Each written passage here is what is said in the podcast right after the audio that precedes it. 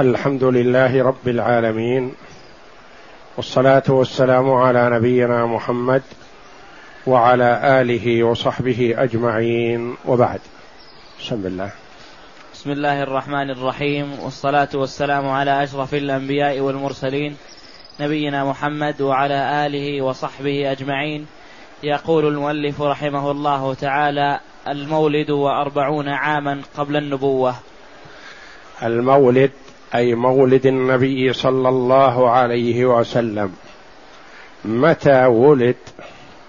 ثم يذكر بعد هذا نشأته صلى الله عليه وسلم إلى أن أوحي إليه. فهو عليه الصلاة والسلام أوحي إليه بعدما تم له أربعون سنة. ولذا قال المؤلف رحمه الله المولد أي مولد النبي صلى الله عليه وسلم متى ولد؟ وأربعون سنة قبل النبوة أربعون عاما قبل النبوة.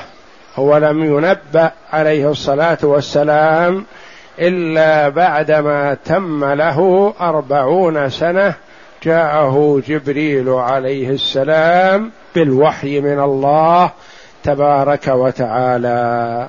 نعم. المولد. ولد, ولد سيد المرسلين صلى الله عليه وسلم بشعب بني هاشم بمكة. ولد صلى الله عليه وسلم في شعب بني هاشم. كانت مكة شعاب بين الجبال. وكل شعب فيها عرف بسكانه.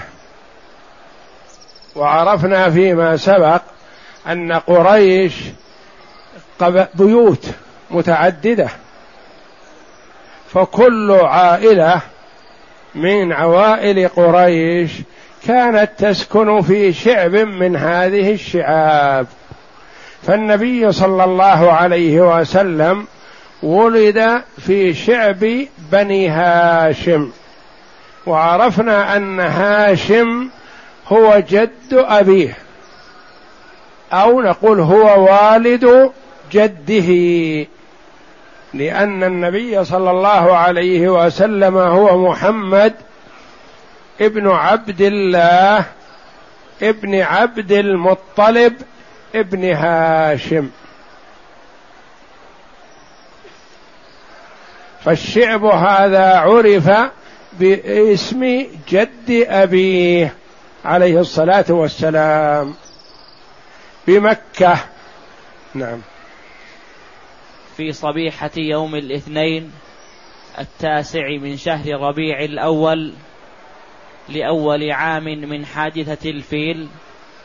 ولد في صبيحة يوم الاثنين أكثر كتاب السير والتاريخ يقولون ولد يوم الاثنين وفيه خلاف. التاسع من شهر ربيع الأول وقيل الثاني عشر. وقيل في رمضان وقيل غير ذلك. وهذا الخلاف لا يترتب عليه شيء من أمر التشريع لأن الله جل وعلا ما تعبدنا بالاحتفال بمولده صلى الله عليه وسلم وإلا لبين بالكتاب والسنة. لكن يعطينا الخلاف في مولده صلى الله عليه وسلم أنه لا ينبغي أن يرتب على اليوم الذي ولد فيه شيء. لأن يوم ولادته لا شك يوم فاضل ويوم عظيم لكن ما يتكرر. لأن بعض الأيام يوجد فيه الخير العظيم.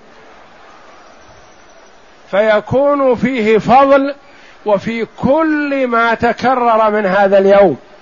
مثلا كليلة القدر. ليلة القدر يوم ليلة عظيمة. وكلما تكررت في السنة فهي ليلة عظيمة. لكن ليلة ويوم المولد مولد النبي صلى الله عليه وسلم يوم عظيم. وأنعم الله به على هذه الأمة نعمة عظيمة وجسيمة.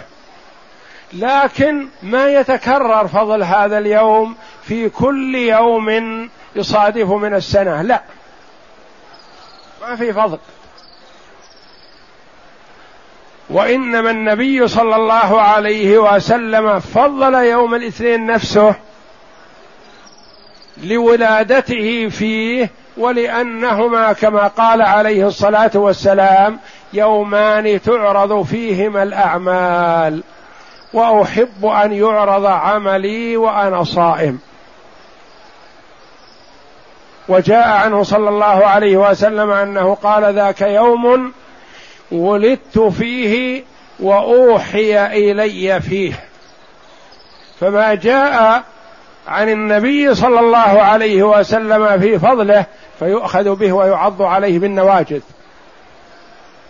مثلا يوم الاثنين من الأسبوع يوم فاضل.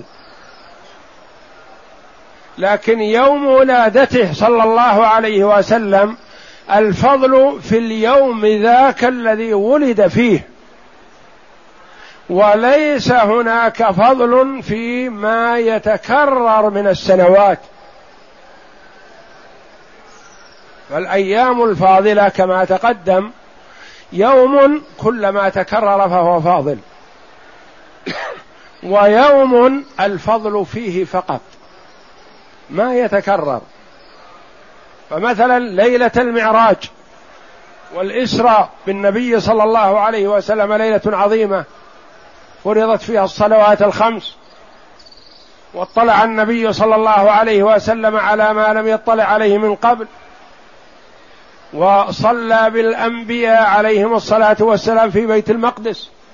وذلك فضل عظيم لهذه الأمة أن يتقدم نبيهم إماما بالأولين والآخرين من الأنبياء. ثم عروجه صلى الله عليه وسلم إلى السماوات العلى وتقدمه على الأنبياء حتى على جبريل عليه وعلى نبينا أفضل الصلاة والسلام. جبريل توقف قال هذا منتهاي. وتقدم النبي صلى الله عليه وسلم في العلو. فليلة الإسراء والمعراج ليلة عظيمة. لكن هل تتكرر؟ لا. ثم إنه وجد الخلاف في الإسراء والمعراج كما وجد الخلاف في يوم ولادته يعني من الشهر. وأما الاثنين فهو يوم الاثنين. لكن من الشهر هل هو في ربيع الأول؟ هل هو في الثاني عشر؟ هل في التاسع؟ هل في رمضان؟ متى؟ هذا خلاف. ولو كان في معرفة وتحديد اليوم الذي ولد فيه من السنة فضل وعبادة تخصه لما اختلف فيه. لبينه النبي صلى الله عليه وسلم. ليلة الإسراء والمعراج ليلة عظيمة. اختلف فيها. هل هي في رجب؟ هل هي في رمضان؟ هل في محرم؟ اختلف فيها. في جمادى. أقوال عدة. لأنه ما يترتب على ما تكرر منها فضل. لو قيل مثلا قيل أنها ليلة 27 من رجب مثلا. ليلة 27 من رجب التي أسري بالنبي صلى الله عليه وسلم وعرج به ليلة عظيمة. لكن ليلة 27 رجب بعدها بسنة سنتين خمس عشر مئة مئتين ما لها فضل مثل غيرها. ما لها فضيلة. لأن لو لها فضيلة لنوه عنها النبي صلى الله عليه وسلم. مثل ما نوه الله جل وعلا في كتابه وفي سنة رسوله صلى الله عليه وسلم عن ليلة القدر. ليلة القدر كلما تكررت نعم فيها فضل عظيم. إذا فالاحتفال بمولده صلى الله عليه وسلم ليس مشروع ولا يجوز لأن الاحتفال به ما أمرنا به عليه الصلاة والسلام. ولا فعله الخلفاء من بعده. ما فعله أبو بكر ولا عمر ولا عثمان ولا علي رضي الله عنهم وأرضاهم. ولا فعله أحد من الصحابة حتى نقتدي بهم رضي الله عنهم وأرضاهم. من فعله؟ قيل أول من فعله الفاطميون. والفاطميون أهل بدعة. والفاطميون كانوا يقيمون في شمال إفريقيا. وكان جيرانهم هناك النصارى. وكان النصارى يحتفلون بمولد عيسى على نبينا وعليه أفضل الصلاة والسلام. فقال هؤلاء الفاطميون النصارى يحتفلون بموعد نبيهم حنا نحتفل بموعد نبينا. فأوجدوا هذه البدعة فانتشرت في البلاد الإسلامية لأن الشيطان يطير فرحا بالبدعة ويسعى في نشرها. وحب الشيطان للبدعة أكثر بكثير من حبه للمعصية أو الكبيرة من كبائر الذنوب. لما؟ لأن الكبيرة من كبائر الذنوب والمعصية يفعلها المسلم وهو مستحي ويختفي. وربما بعد المعصية يؤنبه ضميره ويلومه من حوله فيستغفر ويتوب ويندم على ما فرط منه ويحدث عملا صالحا مقابل ما عمل المعصية. فربما تكون حاله بعد المعصية أحسن من حاله قبلها بالرجوع إلى الله والندم. لكن صاحب البدعة والعياذ بالله ما يقول أستغفر الله وأتوب إليه؟ يرى أنه أتى بشيء عظيم في الدين وأنه أتى بعبادة وأنه يشكر عليها وأنه يتقرب إلى الله بها وهي تبعده من الله. فلذا يفرح الشيطان بالبدعة فرحا شديدا أكثر منه بالمعصية. هو يسره أن يعصي بني آدم لكن يعصون ثم يتوب. الله على من تاب. لكن صاحب البدعة ما غالبا ما يتوب إلا النادر إذا عمل البدعة عن جهل وخطأ وبين له ومن الله عليه بالهدى والقبول يستغفر ويترك. لكنه قليل. لأنه يرى أنه متقرب إلى الله بهذه البدعة وهي تبعده. والنبي صلى الله عليه وسلم يقول من أحدث في أمرنا هذا ما ليس منه فهو رد. وفي رواية لمسلم من عمل عملا ليس عليه أمرنا فهو رد. يعني مردود عليه ما يقبل منه. فيعطينا الخلاف في مولده صلى الله عليه وسلم أنه لا ينبغي لنا أن نشغل أنفسنا في تحديد يوم الولادة. ولادته نعمة عظيمة وفضل عظيم لهذه الأمة وخير عظيم جاء على يده وأنقذ الله به العباد. لكن ما لنا أن نحتفل بيوم ولادته لا. لأنه لا احتفل هو ولا أمرنا بالاحتفال ولا احتفل الخلفاء الراشدون ولا احتفل الصحابة رضي الله عنهم ولا احتفل الأئمة وأهل السنة وأهل الحديث ما احتفلوا. الذين احتفلوا هم المخالفون للكتاب والسنة. فاحتفلوا فانتشرت هذه البدعة. نعم. لأول عام حادثة الفيل. يعني كانت ولادته صلى الله عليه وسلم في نفس ما دار عام على حادثة الفيل. وحادثة الفيل حادثة عظيمة أكرم الله جل وعلا بها بيته الحرام ونصر أهله وإن كانوا كفار. نصرهم على أهل الكتاب وإن كانوا أهل الكتاب أهدى منهم. أهل الكتاب مع ما عندهم من المخالفة فهم أهدى من المشركين. وأهل مكة كانوا مشركين. يعبدون الأصنام والاشجار والاحجار ودخل النبي صلى الله عليه وسلم الكعبة وفيها ثلاثمائة وستون صنم. كلها تعبد من دون الله. وأكبرها عندهم وأعظمها هبل. هبل هو كبير الأصنام. والعزى ومنات وغيرها من من الأصنام تعبد من دون الله. والذين جاءوا لهدم الكعبة كانوا من أهل الكتاب من النصارى. لكن الله جل وعلا نصر بيته وأظهر للناس قاطبة تعظيمه. وأن من أراده فإن الله جل وعلا سيمقته ويخزيه ويفضحه بين العباد. حتى وإن كان أفضل من أهل مكة لأنهم كانوا في ذاك الوقت أهل كتاب. عندهم علم وعندهم كتاب واهل مكة مشركون. فهذا إظهار من الله جل وعلا لتعظيم بيته. لأول عام من حادثة الفيل. وتقدم لنا معرفة الفيل وقصته وهي التي نوه الله جل وعلا عنها بكتابه العزيز في قوله ألم تر كيف فعل ربك بأصحاب الفيل؟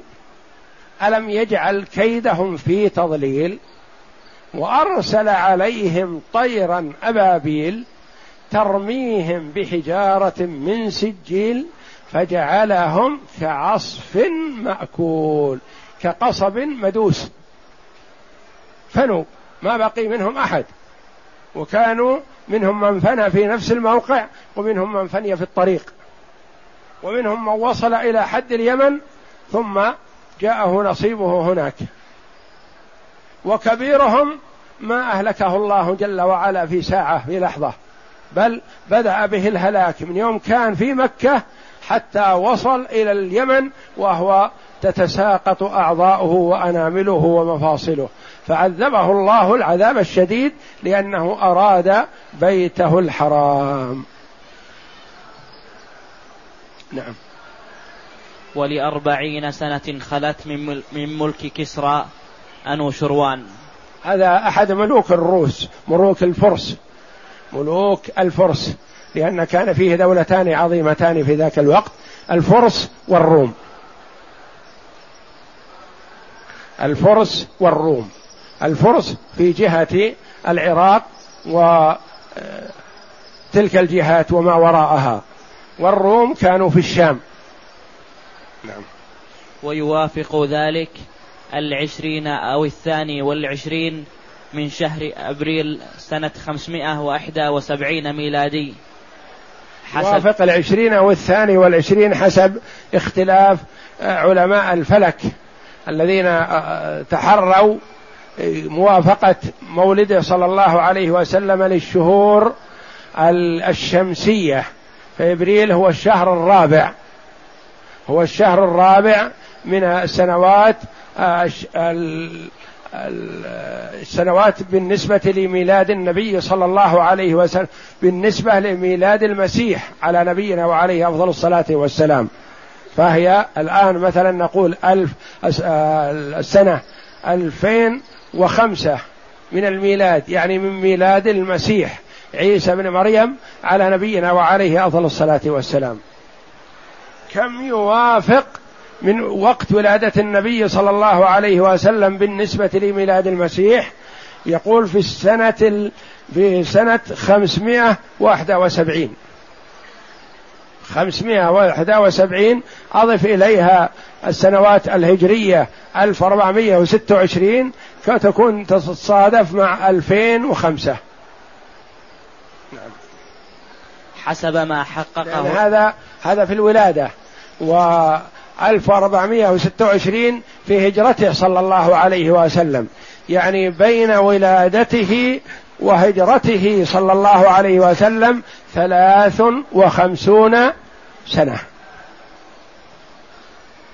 ثلاث وخمسون سنة لأنه بعد ولادة أربعين سنة لم يوحى إليه. ثم أوحي إليه بعد تمام الأربعين سنة وبقي في مكة ثلاث عشرة سنة قبل الهجرة يدعو إلى التوحيد عليه الصلاة والسلام. وهاجر عليه الصلاة والسلام من مكة إلى المدينة وعمره ثلاث وخمسون سنة عليه الصلاة والسلام. نعم. حسب ما حققه العالم الكبير محمد بن سليمان المنصور فوري والمحقق الفلكي محمود باشا. يعني تحروا وحسبوا كم متى يصادف ولادة النبي صلى الله عليه وسلم من الشهور الميلادية. إذا عرف أنه في ربيع الأول مثلا من نفس العام الذي حصلت فيه حادثة الفيل قالوا يقارب 571 آه، ميلادي. نعم. وروى ابن سعد أن أم رسول الله صلى الله عليه وسلم قالت لما ولدته خرج من فرجي نور أضاءت له قصور الشام وروى أحمد بن العرباض هذه بشارة بأن لهذا المولود شأن عظيم وأنه يصحبه النور والإضاءة والهدى. نعم. نعم. وروى أحمد بن العرب عن وروى أحمد عن العرباض بن سارية ما يقارب ذلك. يعني أنه جاء في السنة غير كلمة الأم. الأم تقول هذا وجاء في سنة رسول الله صلى الله عليه وسلم ما يوافق هذا. نعم. وقد روي أن إرهاصات إرهاصات بالبعثة وقعت عند الميلاد. يعني ظهر للنبي صلى الله عليه وسلم شأن عند ميلاده. ما كان ظهور الشأن مثلا كله بعد بعثته عليه الصلاة والسلام. من حين ولد وتظهر العلامات والإرهاصات أن الله جل وعلا يريد بهذا المولود شأنا عظيما سيظهر على يديه. نعم. فسقطت أربع عشرة شرفة من إيوان كسرى. إشارة والله أعلم على أن كسرى يضمحل وتضمحل مملكته بهذا المولود العظيم. نعم. وخمدت خمدت النار التي يعبدها المجوس. إن المجوس كانوا يعبدون النار.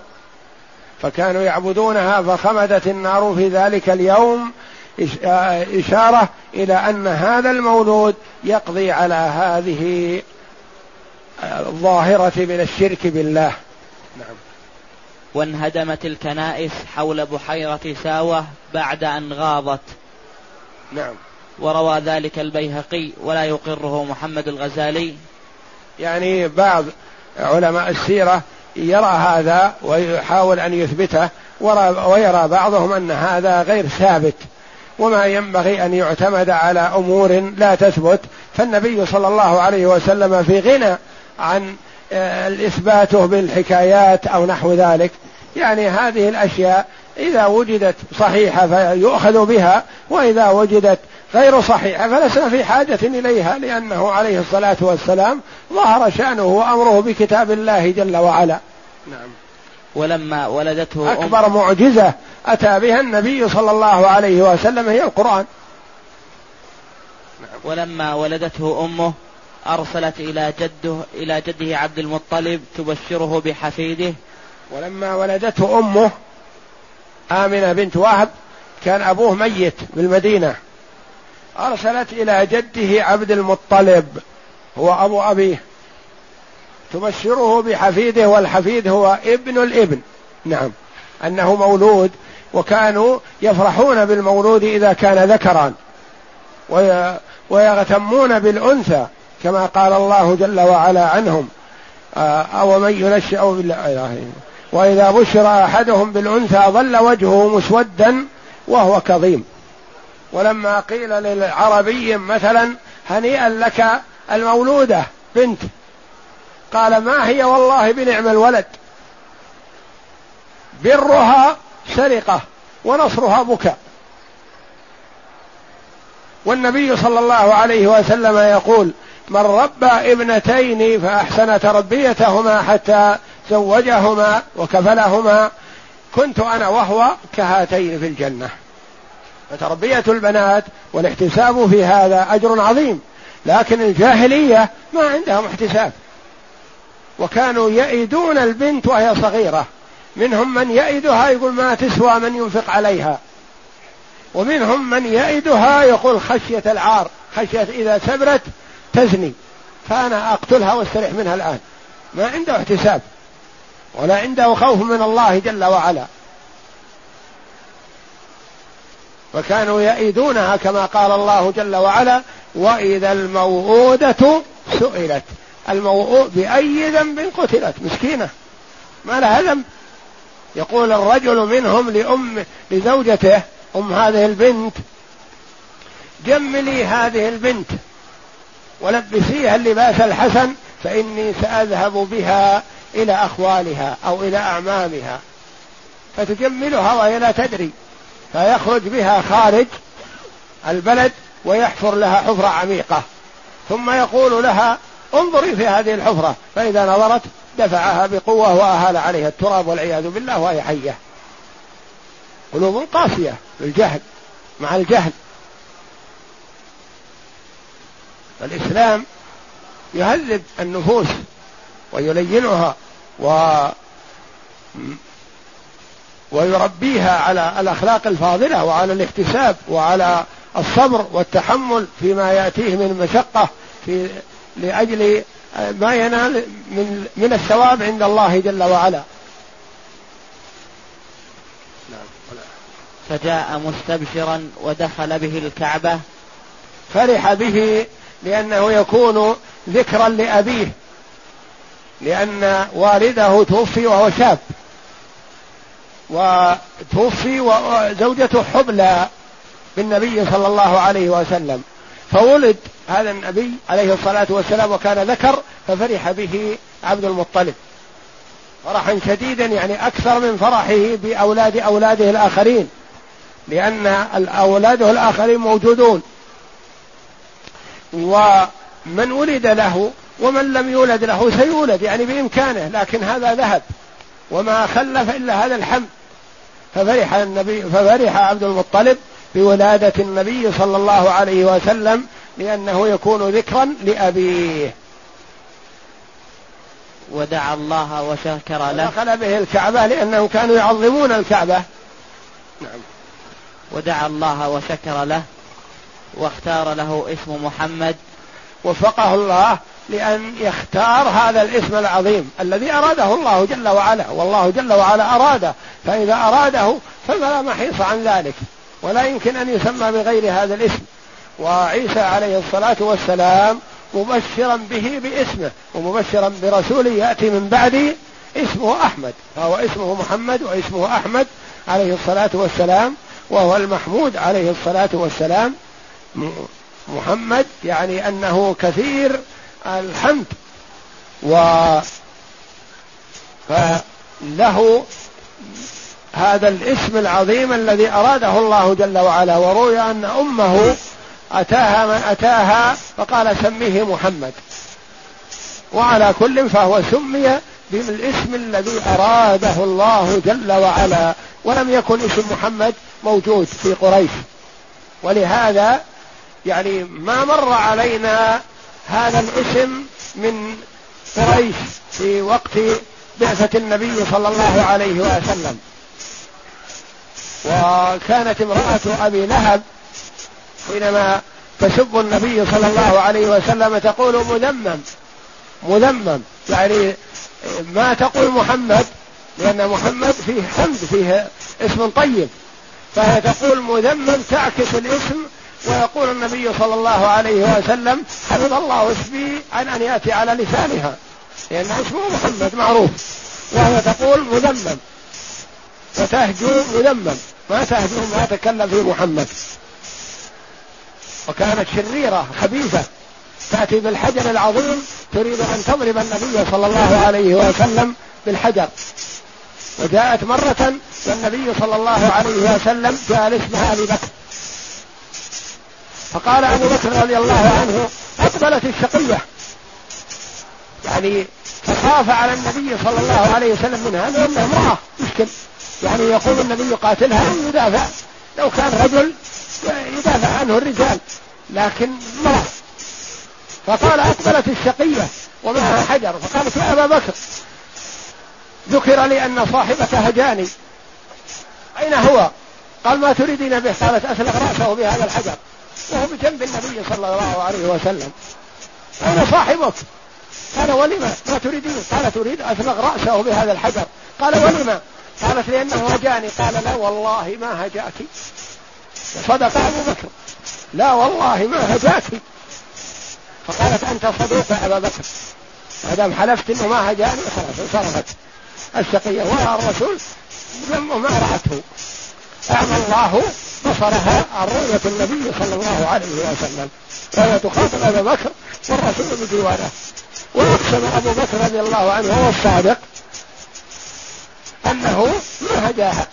وإنما الذي سبها وذمها هو الله تبارك وتعالى. تبت يدا أبي لهب وتب. ما أغنى عنه ماله وما كسب. سيصلى نارا ذات لهب وامرأته حمالة الحطب.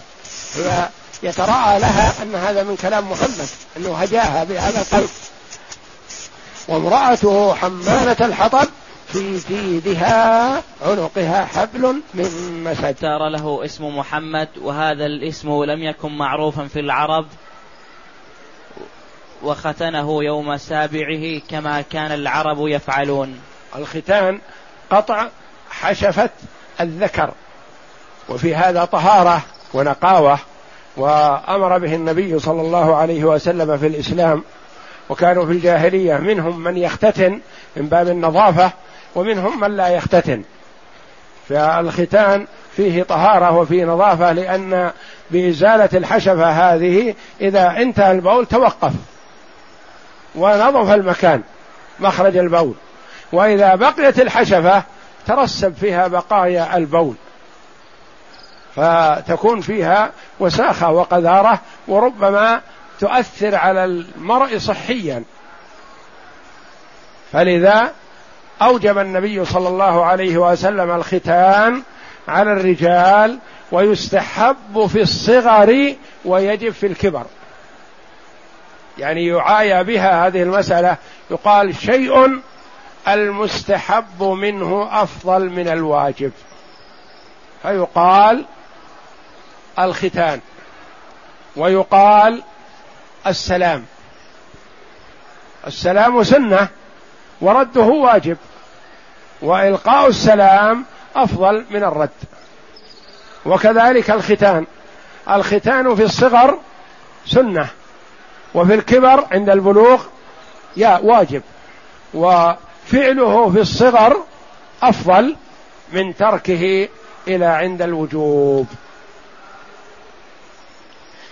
وأول من أرضعته من المراضع بعد أمه ويستحب الختان في السابع ولا بأس بالتقديم ولا بأس بالتأخير لكن الأفضل أن يتحرى هذا لأن النبي صلى الله عليه وسلم أمر بهذا استحبابا لا وجوبا.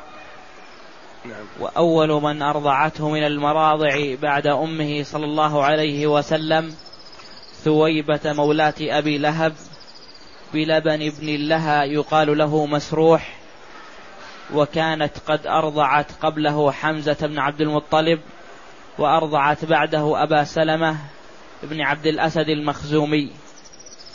وهذه ثويبة مولاة رقيقة لأبي لهب لعم النبي صلى الله عليه وسلم. وقد أرضعت النبي صلى الله عليه وسلم.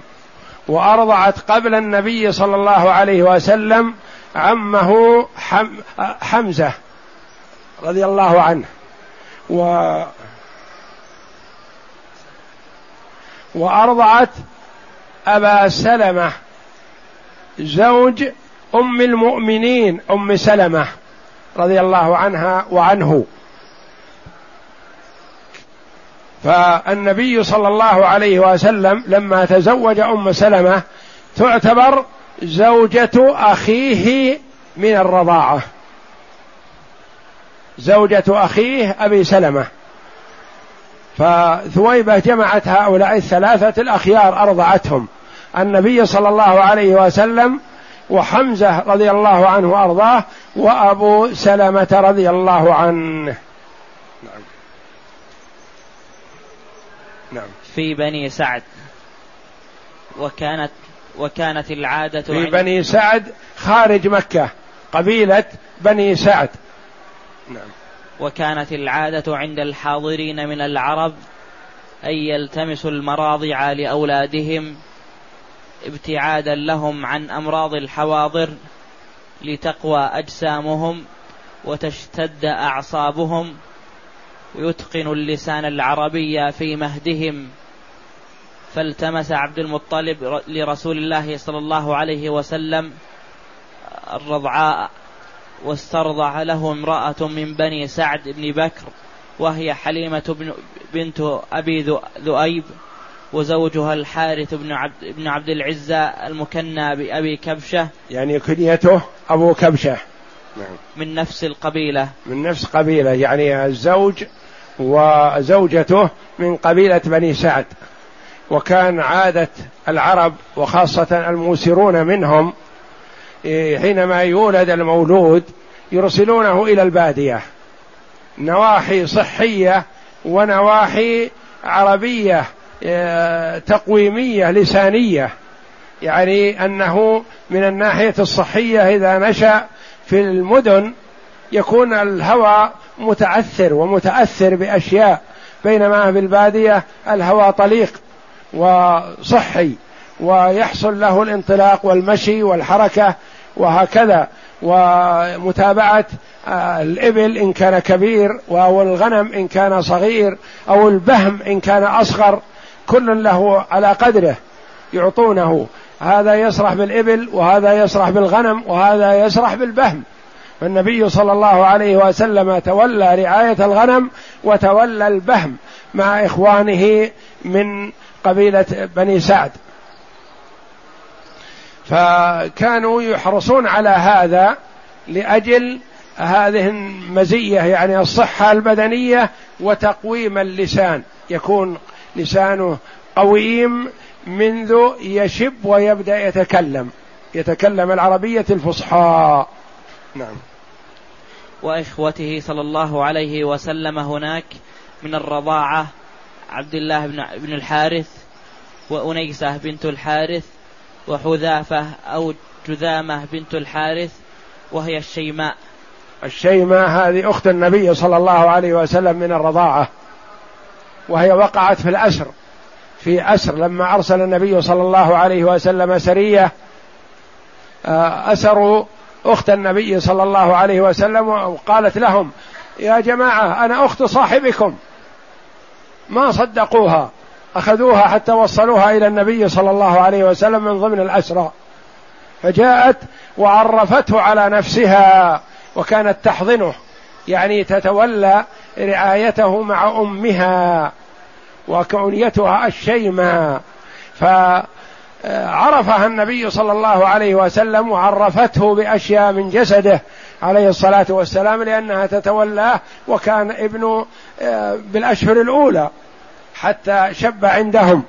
فعرفته على نفسها فعرفها صلى الله عليه وسلم فخيرها. قال إن شئت أن تبقي معززة مكرمة عندي وإن شئت أن تلحقي بأهلك فأنا أحملك. وأوصلك إلى أهلك. فاختارت أن تذهب لأهلها ثم إنها أسلمت رضي الله عنها وحسن إسلامها. وقد حملها النبي صلى الله عليه وسلم وخيوصلها إلى أهلها. فهي مشهورة بالشيماء أخت النبي صلى الله عليه وسلم من الرضاعة من بني سعد. نعم. وهي الشيماء لقب غلب على اسمها وكانت تحضن رسول الله. اسمها جذامة ولكن تسمى يعني غلب على اسمها الشيماء. نعم. وكانت تحضن رسول الله صلى الله عليه وسلم. تحضن الرسول عليه الصلاة والسلام يعني تتولى القيام عليه في صغره وابن آه، بالسنة الأولى والسنة الثانية حينما كان عندهم مع أمها تساعد أمها في ذلك لأنها كبيرة. نعم. وأبو سفيان بن الحارث بن عبد المطلب ابن عم رسول الله صلى الله عليه وسلم. كذلك كان عندهم. أبو سفيان يعتبر ابن عم النبي صلى الله عليه وسلم. وكان في أول الأمر من ألد أعداء النبي صلى الله عليه وسلم لما قام النبي صلى الله عليه وسلم بدعوته. فكان من ألد اعدائه ثم أن الله جل وعلا هداه للإسلام فأسلم رضي الله عنه. هذا أبو سفيان ليس أبو سفيان بن حرب وإنما هو أبو سفيان ابن الحارث والحارث ابن لعبد المطلب. ابن عم النبي صلى الله عليه وسلم يعتبر ابن عمه. نعم. وكان عمه حمزة بن عبد المطلب مسترضعا في بني سعد مسترضعا, مسترضعا في بني سعد بن بكر. كذلك حمزة وأبو سفيان حمزة العم وأبو سفيان ابن العم والنبي صلى الله عليه وسلم كل الثلاثة كانوا مسترضعون في بني سعد. نعم. فأرضعت أمه رسول الله صلى الله عليه وسلم يوم وهو عند أمه حليمة. فكان حمزة رضيع رسول الله صلى الله عليه وسلم من وجهين من جهة ثويبة ومن جهة السعدية. يعني حمزة رضي الله عنه شارك النبي صلى الله عليه وسلم في الرضاعة من امرأتين من ثويبة مولاة أبي لهب فهو أخو من الرضاعة ثم من السعدية حليمة السعدية أرضعت حمزة وأرضعت النبي صلى الله عليه وسلم. نعم. ورأت حليمة من بركته صلى الله عليه وسلم ما قصت منه العجب ولنتركها تروي ذلك مفصلا. يعني هذه قصة مجيء حليمة السعدية لمكة تلتمس الرضعاء. جاء يأتي يعني حينما يأتي مجموعة لأنهم ما يستطيع الواحد يأتي هو وزوجته. يخاف على نفسه من اللصوص ويقتله ويأخذ بعيره. فكانوا إذا أرادوا المجيء جاء مجموعة فجاء مجموعة من النساء مع مجموعة من الرجال دخلوا مكة كل وحدة امرأة تريد رضيع لأنهم في حالة فقر وحاجة وتريد تأخذ رضيع تربيه لأهله بالأجرة بالأجرة فجاءت مجموعة من بني سعد يريدن الرضعاء.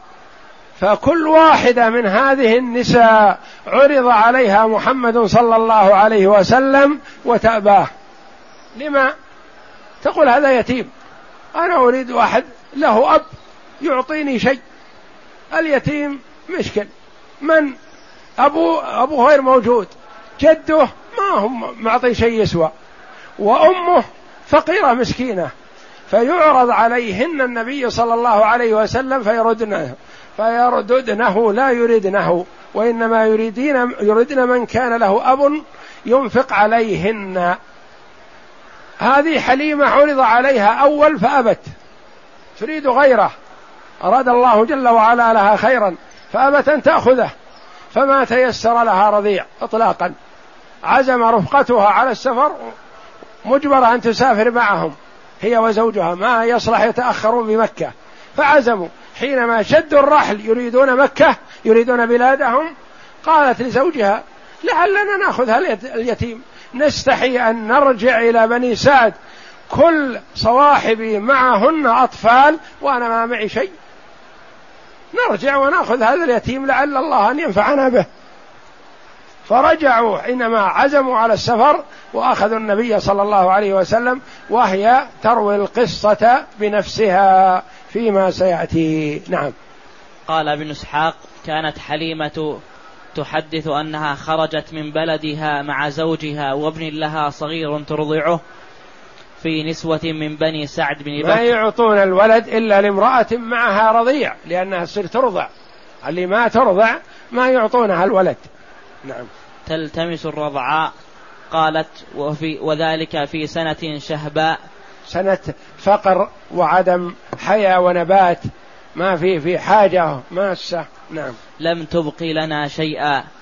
قالت فخ فخرجت على أتان لي قمراء أتان الأتان أنثى الحمير.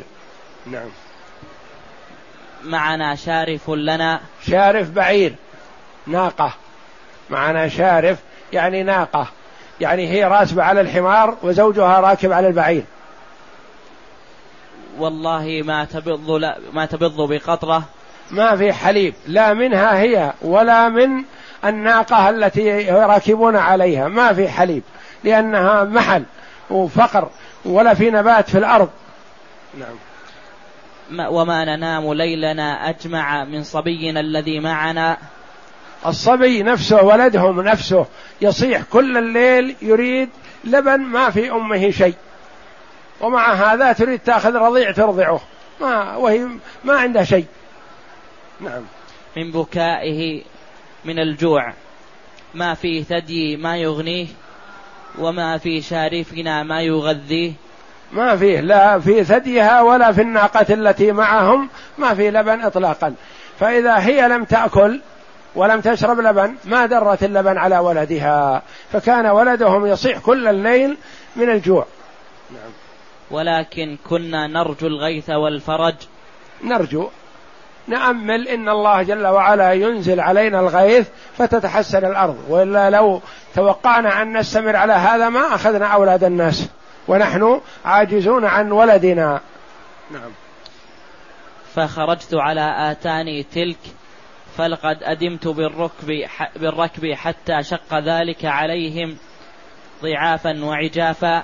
ضعفا. ضعفا وعج وعجفا حتى قدمنا مكة نلتمس الرضعاء فما منا امرأة إلا وقد عرض عليها رسول الله صلى الله عليه وسلم فتأباه كل النساء التي معها يعرض عليهن النبي ياخذنه لكن يرفضن ذلك. يقول لا ما نريده. يتيم؟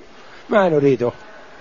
نعم. إذا قيل لها إنه يتيم وذلك إنا كنا نرجو المعروف من أبي الصبي فكنا نقول يتيم وما عسى أن تصنع أمه وجده.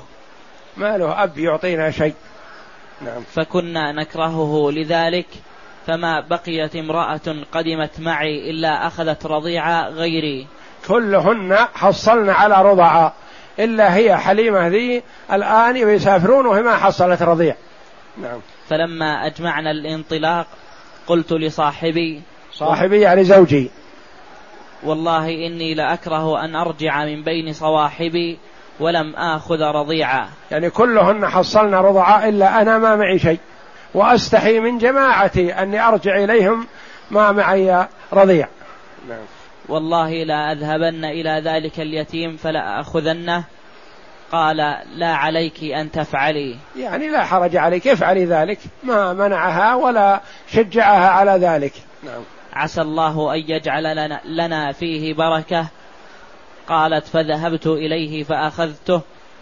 وما حملني على أخذه إلا إني لم أجد غيره. لم أجد غيره. لم أجد غيره. قالت فلما أخذته رجعت به إلى رحلي.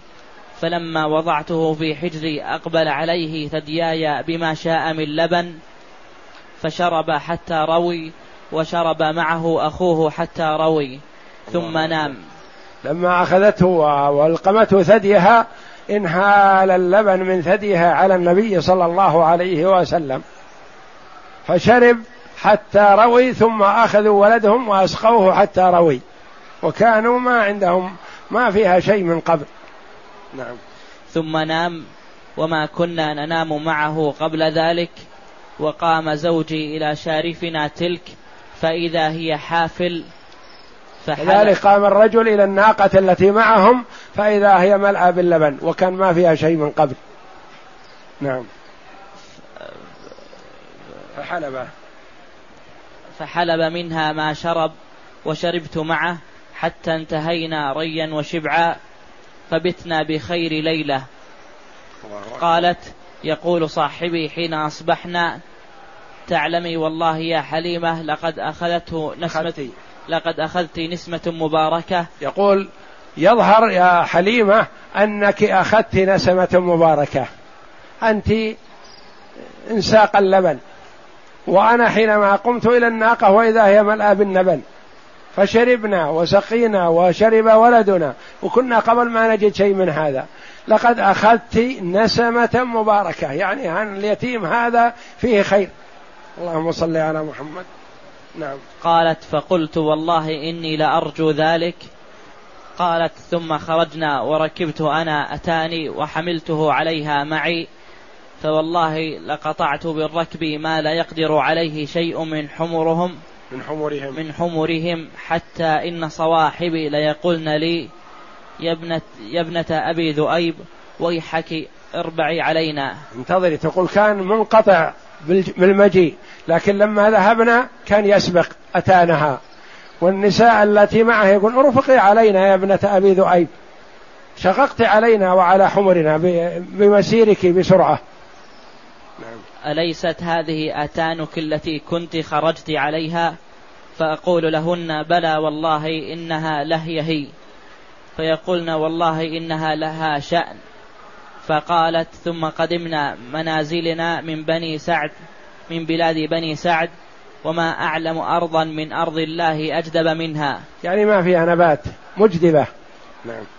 فكانت غنمي تروح على حين قدمنا به معنا شباعا لبنا شباعا يعني تشبع وهي ملأى باللبن غنم حليمة. نعم. فنحلب ونشرب وما يحلب إنسان قطرة لبن. جيراننا ما عند أحد منهم قطرة لبن.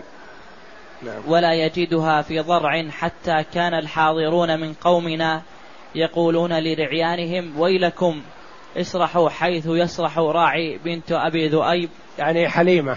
يعني اسرحوا اذهبوا مع مع من يسرح بغنم حليمة لأن غنم ش... ش... آه، شابعة وفيها لبن كثير وأنتم تأتي غنمكم هزال ولا فيها لبن فيلومون رعيانهم ببركة المصطفى صلى الله عليه وسلم. نعم. فتروح أغنامهم جياعا ما تبض بقطرة لبن. وتروح غنمي شباع لبنا فلم نزل نتعرف من الله الزيادة والخير حتى مضت سنتاه وفصلته. فصلت يعني فطمت عن الرضاعة. وكان يشب شبابا لا يشبه الغلمان. لا يشبه الغلمان يعني يختلف شبابه قوة ونشاط وكبر جسمه واستعداده عليه الصلاة والسلام من صغره. نعم.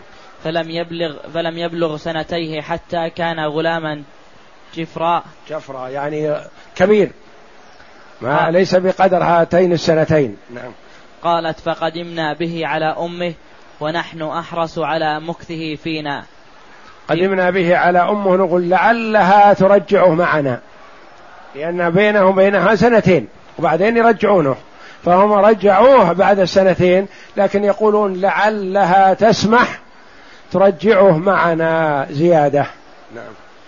لما كنا نرى من بركته فكلمنا أمه وقالت لها وقلت لها لو تركت ابني عندي حتى يغلظ. تقول حتى يشتد لأنه الآن ما له سنتين خليه عندنا حتى يقوى ويشتد. نعم. فإني أخشى عليه وباء مكة. تقول أخشى إن أخذتيه وهو بسنتين قد يصاب بأوبئة من أوبئة الحاضرة ووباء البلد. خليه معنا في البرية أحسن له. نعم. قالت فلم نزل بها حد حتى ردت ردته معنا. لم نزل بها يعني تحاول إقناعها. تقنع أمه آمنة بأن تتركه معها. تقول حتى ردته معنا. يعني وافقت على هذا. نعم. وهكذا بقي رسول الله صلى الله عليه وسلم في بني سعد. حتى إذا كانت السنة الرابعة أو الخامسة. يعني بقي عندهم زيادة على ما يبقى الرضع سنتين بقي عندهم أربع سنين أو خمس. نعم. من مولده وقع حادث شق صدره. شق صدره عليه الصلاة والسلام وهو في بني سعد. أتاه الملكان. فشق صدره فخافت أن يموت أو يأتيه شيء فردته مسرعة. روى مسلم عن أنس أن رسول الله صلى الله عليه وسلم أتاه جبريل وهو روى. مسلم هذا في الحديث الصحيح. نعم. وهو يلعب مع الغلمان فأخذه فصرعه فشرعه يعني سدحه في الأرض. فشق نعم. عن قلبه فاستخرج سوى عملية. من اللي سوى لها الملائكة عليهم الصلاة والسلام. في الحال عملية جراحية صعبة في القلب. لكن بأمر الله جل وعلا. أرد الحديث. رواه مسلم. روى مسلم عن أنس أن رسول الله صلى الله عليه وسلم أتاه جبريل وهو يلعب مع الغلمان في بني سعد خارج مكة. نعم. فأخذه فصرعه فشق عن قلبه. شق عن صدره وأخرج القلب. نعم. فاستخرج القلب. فشق القلب. نعم. فاستخرج منه علقة فقال هذا حظ الشيطان منك. علقة داخل القلب أخرجها جبريل عليه السلام ورماها وقال هذا حظ الشيطان منه. معناه سلم عليه الصلاة والسلام من الشيطان وهو ابن أربع أو خمس سنوات. ثم غسله في طست من ذهب بماء زمزم. ماء زمزم بطشت من ذهب. يغسل أثر الجرح. فشفي في الحال بإذن الله. ثم لأمه ثم أعاده إلى مكانه وجاء الغلمان يسعون إلى أمه يعني ضئره. ولما الصدر والقلب ووضعه في مكانه وعاد وقام عليه الصلاة والسلام من هذه العملية في الحال. لكن حال الصرع والشق والحركة هو الغلمان يرون شيئا ولا يرون أشياء. الغلمان الذين معه ما رأوا الملائكة؟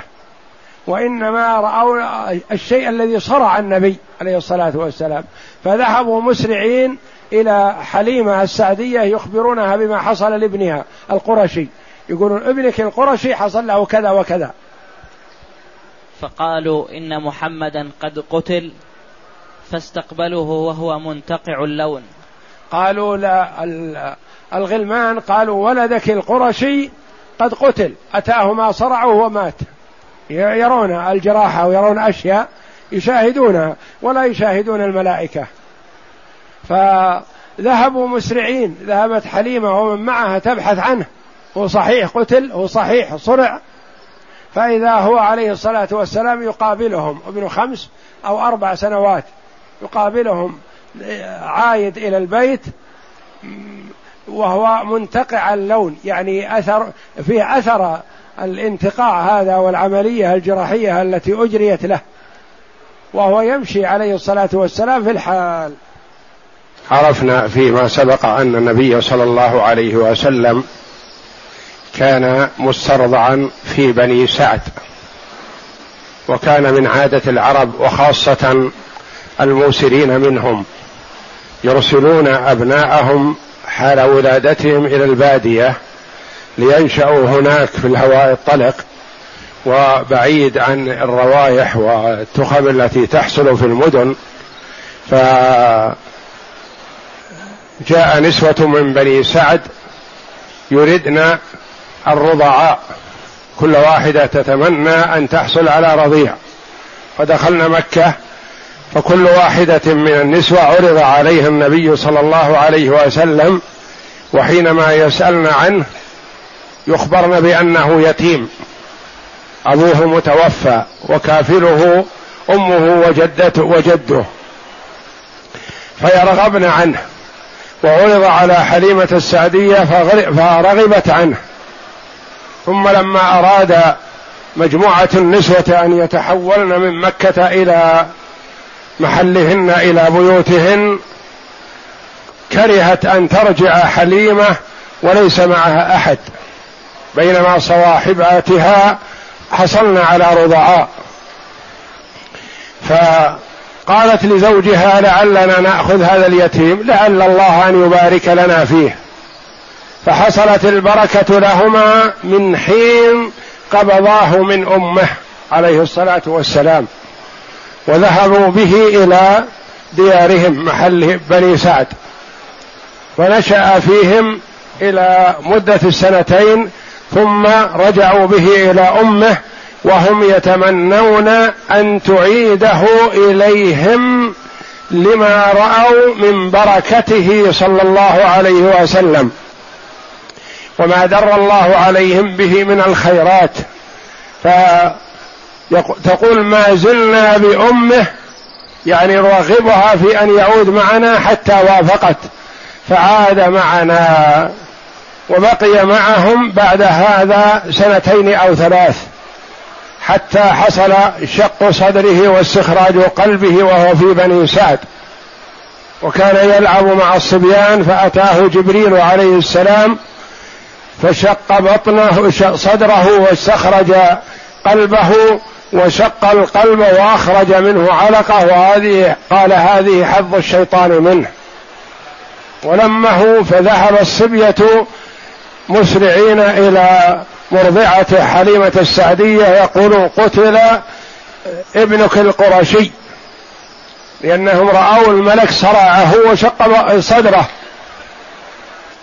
فجاءت أمه ومن معها مسرعين يبحثون عنه فإذا هو قد أقبل عليهم منتقع اللون يعني متاثر من هذه العملية الجراحية التي كللت بالنجاح في دقائق معدودة. بأمر الله جل وعلا. فخافت عليه حينئذ حليمة وخافت من اللوم من أمه فذهبت به إلى أمه. وهذا ما سيقص علينا المؤلف رحمه الله تعالى. اقرأ. بسم الله الرحمن الرحيم والصلاة والسلام على أشرف الأنبياء والمرسلين نبينا محمد وعلى آله وصحبه أجمعين. يقول المؤلف رحمه الله تعالى إلى أمه الحنون وخشيت عليه يعني عودته إلى أمه آمنة بنت وهب. نعم. وخشيت عليه حليمة بعد هذه الوقعة. حليمة حليمة.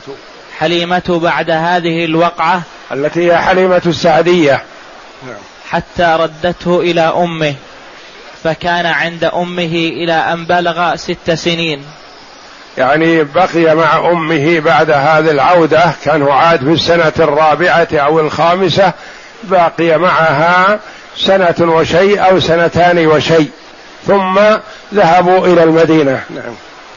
ورأت آمنة وفاء لذكرى زوجها الراحل أن تزور قبره بيثرب فخرجت من مكة قاطعة. وهذا من عادات الجاهلية ولم يقره الإسلام.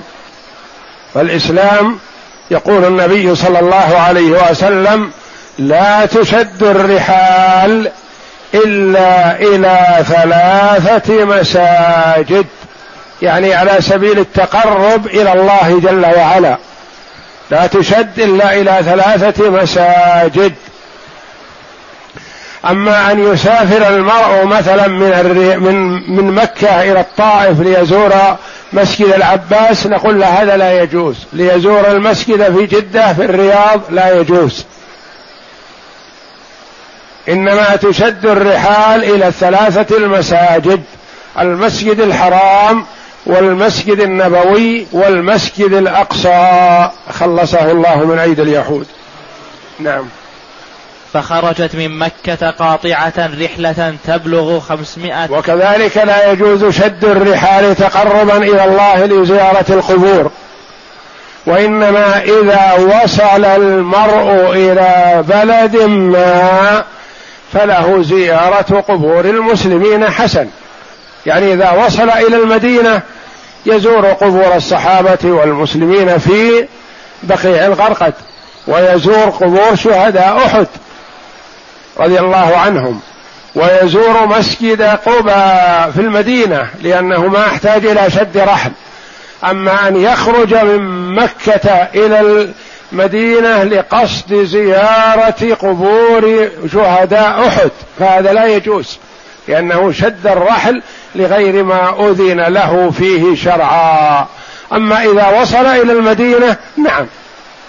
فيزور القبور ويزور مسجد قباء ويزور شهداء أحد وما شاء داخل المدينة. نعم. قاطعة رحلة تبلغ خمسمائة كيلو متر ومعها ولدها اليتيم محمدا صلى الله عليه وسلم وخادمتها أم أيمن وقيمها عبد المطلب. أم أيمن هذه التي ورثها النبي صلى الله عليه وسلم من أبيه. نعم. فمكثت شهرا. يقيمها عبد المطلب الذي هو جد النبي صلى الله عليه وسلم وكافله. نعم. فمكثت شهرا. ثم قفلت وبينما هي راجعة إذ يلاحقها المرض ويح ويلح عليها في أوائل الطريق فماتت بالأبواء بين مكة والمدينة. أدركها الموت لا في مكة ولا في المدينة بينهما بمحل يسمى الأبواء نعم. إلى جده العطوف وعاد به عبد المطلب إلى مكة وكانت مشاعر وقد جاء أن النبي صلى الله عليه وسلم استأذن ربه في أن يدعو لأمه.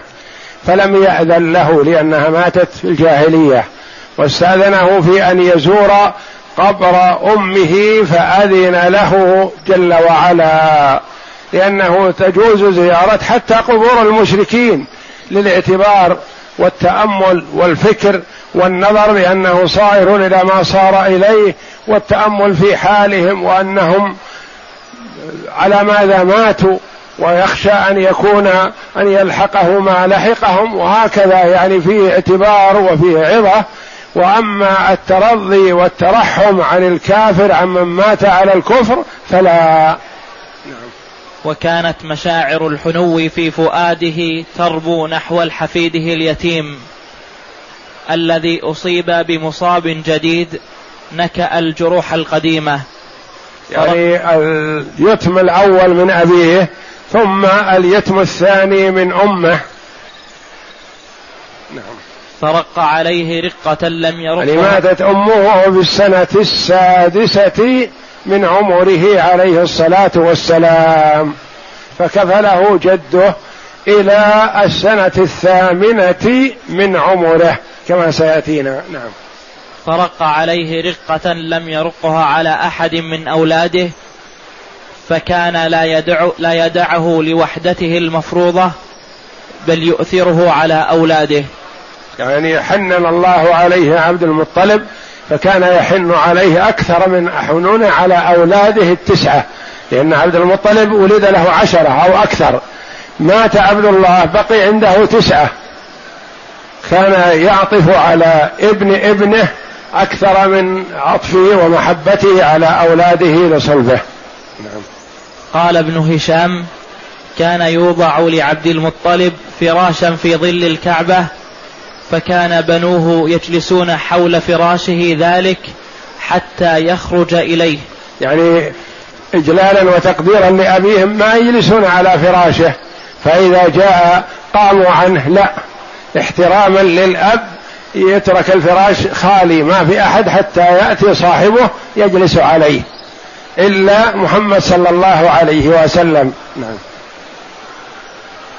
لا يجلس عليه احدا من بنيه إجلالا له فكان رسول الله صلى الله عليه وسلم يأتي وهو غلام جفر حتى يجلس عليه. حتى يجلس. حتى يجلس عليه. يجلس. حتى يجلس عليه فيأخذه أعمامه ليوخروه عنه.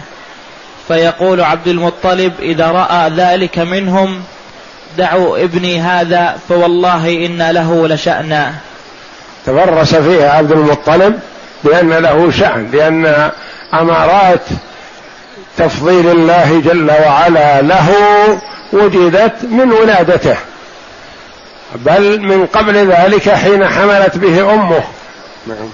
ثم يجلس معه على فراشه ويمسح ظهره بيده ويسره ما يراه يصنع. يعني يعجب كما يعجب الأب بعبث ولعب ولده الصغير. ولثمان سنوات وشهرين وعشرة أيام من عمره صلى الله عليه وسلم توفي جده عبد المطلب بمكة ورأى قبل وفاته أن يعهد بكفالة حفيده إلى عمه أبي طالب شقيق أبيه. لأنه رأى أنه أحنى عليه من بقية أعمامه التسعة. أعمامه تسعة. فعهد به إلى أبي طالب لأنه شقيق لأبيه. نعم. إلى عمه الشفيق.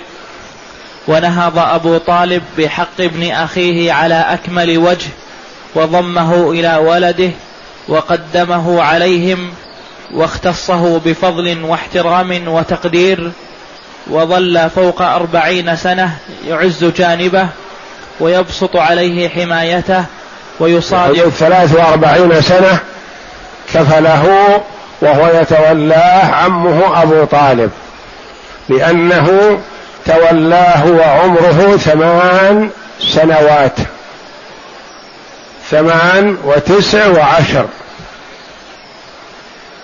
وثلاثون سنة قبل النبوة. هذه ثلاث وثلاثون. وعشر سنوات بعد النبوة. لأنه توفي قبل هجرة النبي صلى الله عليه وسلم إلى المدينة بعد بعثته صلى الله عليه وسلم بحدود عشر سنوات. توفي أبو طالب أو قبل هذا بقليل. فكفالة عمه أبي طالب تزيد على أربعين سنة وهو يكلأه ويحميه. نعم. ويصادق ويخاصم من أجله وستأتي نبذة من ذلك في موضعها. يستسقي الغمام بوجهه.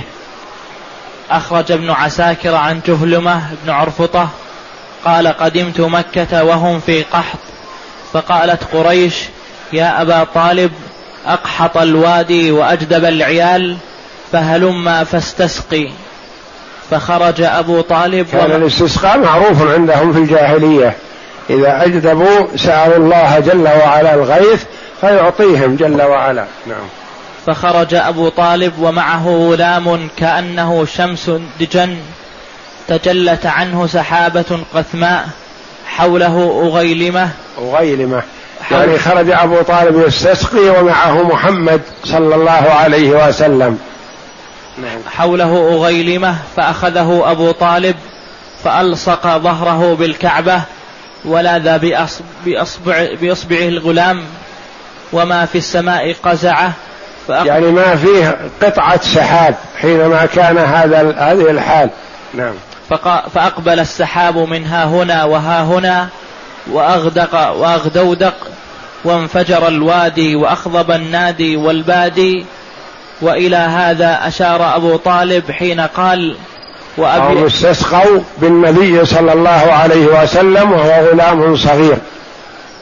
وأبيض يستسقي الغمام بوجه الغمام. وأبيض يستسقى استسقى الغمام بوجهه. ثمال اليتامى في عصمة عصمة, عصمة للأرامل. هذا في مدح النبي صلى الله عليه وسلم في لامية أبي طالب المشهورة.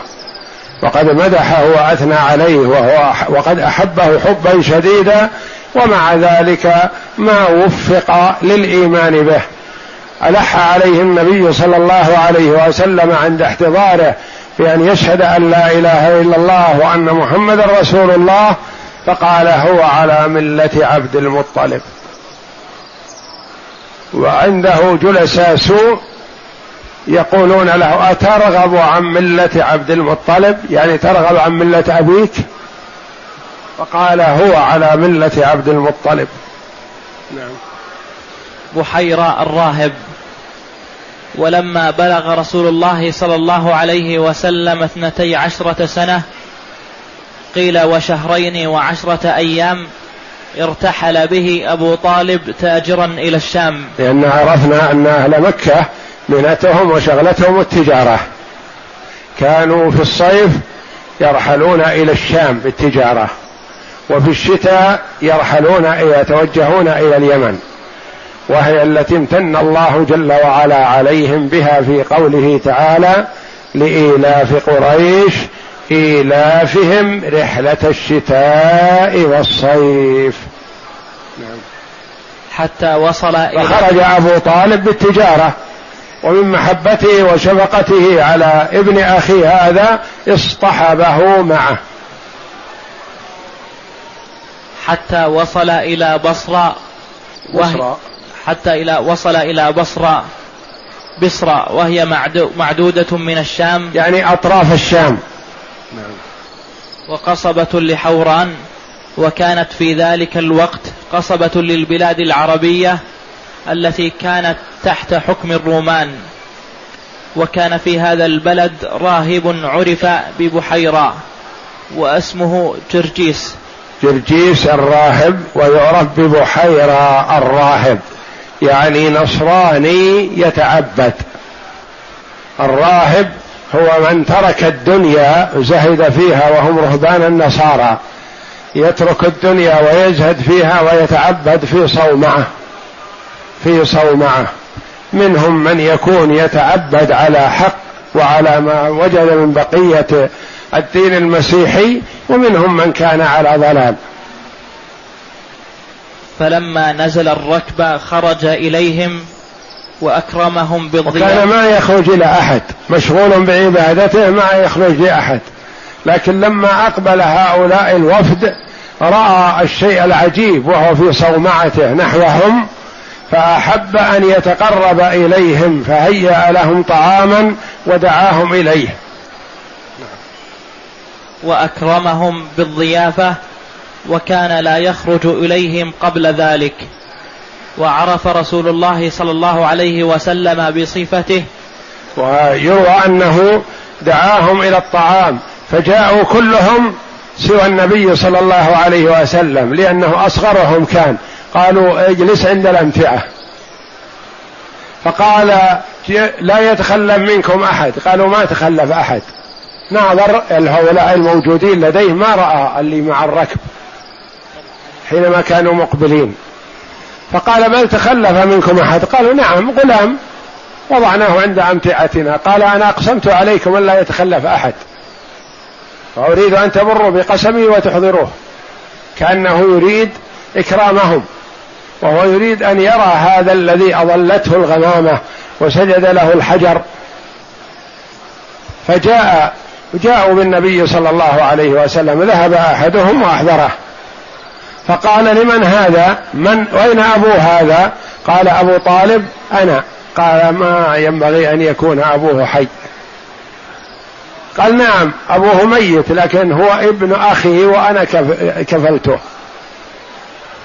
وإن ولدك هذا سيكون له شأن عظيم. فأنا أنصح أن تعيده إلى مكة. فإني أخاف عليه اليهود في الشام. فإنهم إذا رأوه عرفوه وسيقضون عليه إن استطاعوا. فأنصح أن تعيده إلى مكة. وعرفنا أن كفار قريش كانوا يرجعون إلى أهل الكتاب ويستفيدون منهم لأنهم يعرفون أن لهم فضل عليهم وأن عندهم علم من الكتاب. فقبل نصيحة بحيرة الراهب وأرسل محمدا صلى الله عليه وسلم إلى مكة أعاده مع بعض الرفقة حتى لا يعود وحده ولا يدخل به الشام. نعم. فقال وهو آخذ بيده هذا سيد العالمين هذا يبعثه الله رحمة للعالمين. فقال أبو طالب وما علمك وما علمك بذلك؟ فقال إنكم حين أشرفتم من العقبة لم يبق حجر ولا شجر إلا وخر ساجدا. ولا تسجدوا إلا لنبي. وإني أعرفه بخاتم النبوة في أسفل غضروف كتفه مثل التفاحة. وإنا نجده في كتبنا. وسأل أبا طالب أن يرده ولا يقدم به إلى الشام. خوفا عليه من اليهود فبعثه عمه مع بعض غلمانه إلى مكة. نعم. حرب الفجار. ولخمسة خمس عشرة من عمره. حرب الفجار الفجار. حرب الفجار. ولخمس عشرة من عمره صلى الله عليه وسلم كانت حرب الفجار بين قريش ومن معهم من كنانة. كنانة مع قريش. نعم. وبين قيس عي عيلان. وكان الطرف الثاني قيس عيلان نعم. وكان قائد قريش وكنانة كلها حرب حرب ابن أمية. ولمكانته فيهم سنا وشرفا. وكان الظفر في أول النهار لقيس على كنانة. حتى إذا كان في وسط النهار كان الظفر لكنانة على قيس. وسميت بحرب الفجار. لانتهاك حرمات الحرم والأشهر الحرم فيها. كانت في الأشهر الحرم وفي الحرم. نعم. وقد حضر هذه الحرب رسول الله صلى الله عليه وسلم وكان ينبل على عمومته. يعني يناولهم النبل يناولهم ما يرمون به. ولم يباشر هو المعركة كأنه لصغر سنه. أن يجهز لهم النبل للرمي. حلف الفضول وعلى إثر هذه الحرب وقع, وقع حلف الفضول في ذي القعدة في شهر حرام. القعدة شهر القعدة حرام لأن الأشهر الحرم هي شهر ذي القعدة وشهر ذي الحجة والمحرم ثلاثة أشهر متوالية. والرابع رجب الذي بين جمادى وشعبان أربعة منها أربعة حرم. نعم. تداعت إليه قبائل من قريش بنو هاشم. ناس الرجال فيهم خولة نخوة وفيهم حمية وفيهم رجولة فتداعوا وتعاهدوا على هذا الحلف أن لا يدعوا مظلوما بمكة إلا نصروه. نعم. بنو هاشم وبنو المطلب وأسد بن عبد العزة عبد العزى وزهرة بن كلاب وتيم بن مرة. فاجتمعوا في دار عبد الله بن جدعان التيمي لسنه و... لسنه وشرفه. وقد حضره النبي صلى الله عليه وسلم. نعم. فتعاقدوا وتعاهدوا على ألا يجدوا بمكة مظلوما من أهلها وغيرهم من سائر الناس إلا قاموا معه. وكانوا على من ظلمه حتى ترد إليه مظلمته.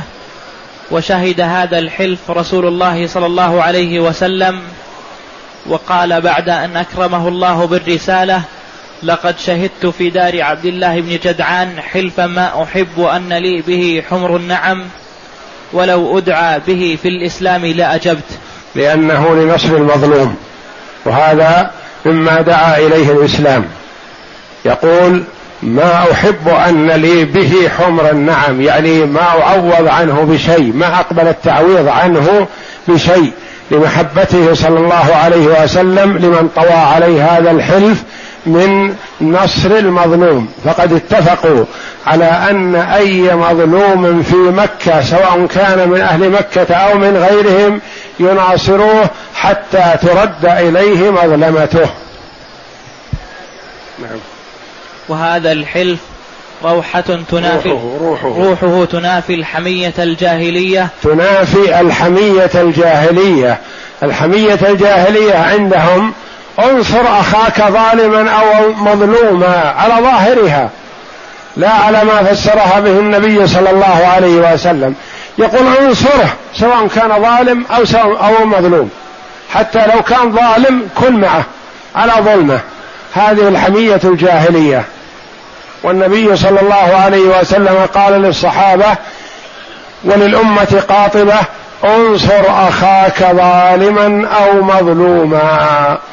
قالوا يا رسول الله ننصره إذا كان مظلوم. فكيف ننصره إذا كان ظالم؟ لأنهم فهموا ما ورد من نخوة الجاهلية. قال تكفه عن ظلمه فذلك نصره.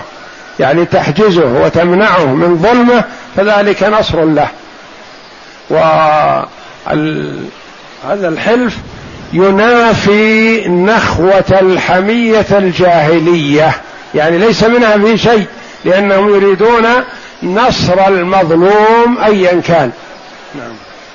التي كانت العصبية تثيرها ويقال في سبب هذا الحلف إن رجلا من زبيد من زبيد من زبيد رجل من اليمن. نعم. قدم مكة ببضاعة. واشتراها منه العاص بن وائل السهمي. يعني وكان من أعيان ومن كبراء قريش. نعم. وحبس عنه حقه. يعني أخذ البضاعة ولم يعطه حقه. تلاعب به. نعم. فاستعدى عليه الأحلاف عبد الدار ومخزومة وجمحة وسهمة وعدية. استنصر قبائل وبيوت من بيوتات قريش. قالوا لا العاص ما نستطيعه. العاص بن وائل ما نستطيع وكل من استنصره تعذر لأنه ظالم. فيتعذرون لأنهم يتوقعون أنهم لا يدركون مرادهم من العاص ابن وائل وكأنه مشتق له من اسمه. نعم. فلم يكترثوا له. ما ساعدوه. هذا المظلوم. نعم. فعلى جبل أبي قبيس. صعد إلى هذا الجبل جبل أبي قبيس ونادى بأعلى صوته وصرخ. يستنصر من يساعده على العاصي الذي أخذ بضاعته ولم يعطه الثمن. ونادى بأشعار يصف فيها ظلامته رافعا صوته فمشى في ذلك الزبير بن عبد المطلب. عم النبي صلى الله عليه وسلم. نعم. وقال ما لهذا مترك؟ مترك. يعني ما ينبغي أن نترك هذا الرجل. يصرخ وينادي بالشعر وينادي من يناصره. ونتركه مظلوما غريبا يمنيا مظلوما عندنا في مكة. ما على هذا مترك. يعني ما ينبغي أن نتركه. بل يجب مروءة وشيمة ورجولة أن نقوم معه حتى يأخذ حقه. حتى اجتمع الذين مضى ذكرهم في حلف الفضول. الذين هم اشتركوا في حلف الفضول اجتمعوا. نادى بهم الزبير بن عبد المطلب فاجتمعوا. نعم. فقاموا إلى العاص بن وائل فانتزعوا منه حق الزبيدي بعدما أبرموا الحلف. أبرموا الحلف واتفقوا ثم ذهبوا إلى العاص وأخذوا منه الحق بالقوة وأعطوه لصاحبه. نعم. حياة الكدح. ولم حياة الكدح يعني الكسب والكد النبي صلى الله عليه وسلم في متوسط عمره لأنه عليه الصلاة والسلام ما أحب أن يستمر في كفالة أبي طالب ينفق عليه بل أحب أن يكتسب ويسترزق ويطلب الرزق من الله. فكان عليه الصلاة والسلام يرعى الغنم لأهل مكة حتى يحصل على شيء من المال. كما رعى الغنم في بني سعد وهو ابن أربع سنين لأهله في بني سعد. رعاها كأنه يرعى البهم الغنم الصغيرة. فلما كان في مكة أحب أن يكتسب وما تيسر له عمل أنسب من هذا وقد هيأه الله جل وعلا لهذا لمصلحة. كما قال عليه الصلاة والسلام ما من نبي إلا ورع الغنم. قالوا وأنت يا رسول الله؟ قال وأنا كنت أرعاها على قراريط لأهل مكة. قراريط يعني نوع من العملة بسيط يعني يسرح بالغنم يعطى شيء من المال. نعم. ولم يكن له صلى الله عليه وسلم عمل معين في أول شبابه لأن ما, كن ما عنده كان مال يشتغل بتجارة. وليست مكة بلد زراعية يشتغل بزراعة إلا بالأسفار وكأن عمه ما يحب أن يسافر وهو صغير. خاف عليه فكان يمنعه من السفر وحتى يوم سافر به هو رده من أثناء الطريق خوفا وشفقة عليه. فكان يرعى الغنم عليه الصلاة والسلام ولحكمة يريدها الله لأن في رعاية الغنم اللطافة. واللين والرفق بخلاف رعاة الإبل فعندهم الشراسة والغلظة والقسوة والغنم ليست كغيرها لأنها تند بكثرة. هذه تذهب يمين وهذه تذهب شمال وتتعب الراعي لكنه لكنها تكسبه حلم وصبر وتحمل مثل رعاية الناس. فالذي يكون عنده صبر وتحمل يرعى الناس ويصبر عليهم. ومن كان عنده تفجر وعدم صبر وعدم تحمل ما يصبر على هذا يخالف من هنا وهذا يخالف كذا وهذا يكون له رأي في كذا. ما يصبر عليهم. وإنما رعاية الناس تحتاج إلى حلم وصبر وتحمل فذهبوا إلى عم خديجة وخدم أعمامه فرضوا ووافقوا على هذا لأن كلهم يتمنى أن يكون زوجا لخديجة. نعم. فذهبوا إلى عم خديجة وخطبوها إليه. وعلى إثر ذلك تم الزواج. وحضر عمها والد ورقة بن نوفل لأن ورقة بن نوفل كان ابن عمها.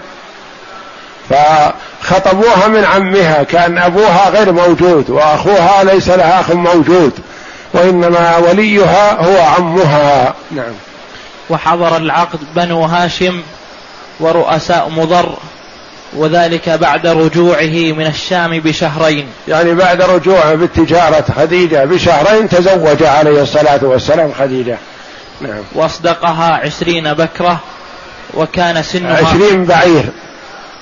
وهي غنية لكن من باب الكرامة والرجل يحسن أن يصدق يعطي زوجته مهرا على قدرها وإن كان هو فقير فيخلف الله عليه ويعطيه ويعطيها المهر وإن كانت أغنى منه.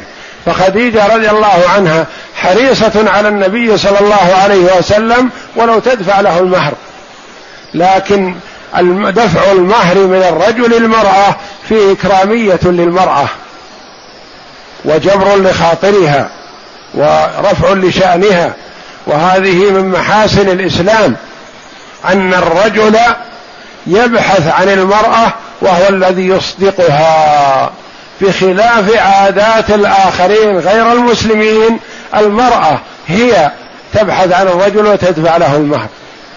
ومن جاور غير المسلمين وأخذ بعض آدابهم وأخلاقهم نساءهم تبحث عن الرجل وتدفع له المهر. فمن كرامة المرأة في الإسلام مع أن حاجتها إلى الرجل أكثر من حاجة الرجل إليها.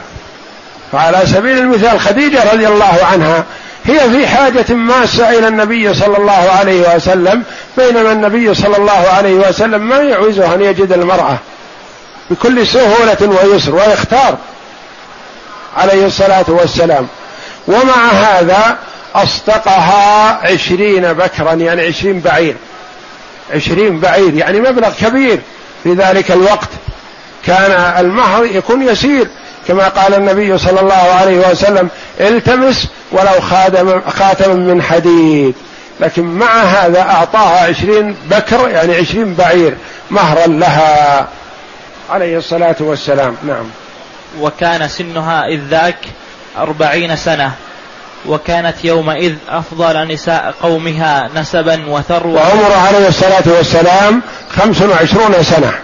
يؤخذ من هذا أنه لا حرج ولا غضاضة في أن يتزوج الرجل امرأة أكبر منه. ما دامت تناسبه ويناسبها فلا حرج.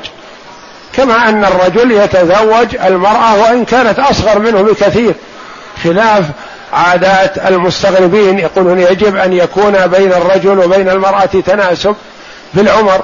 يعني ما يصح أن يتزوج ابن الخمسين بنت خمسة عشر سنة. يصح.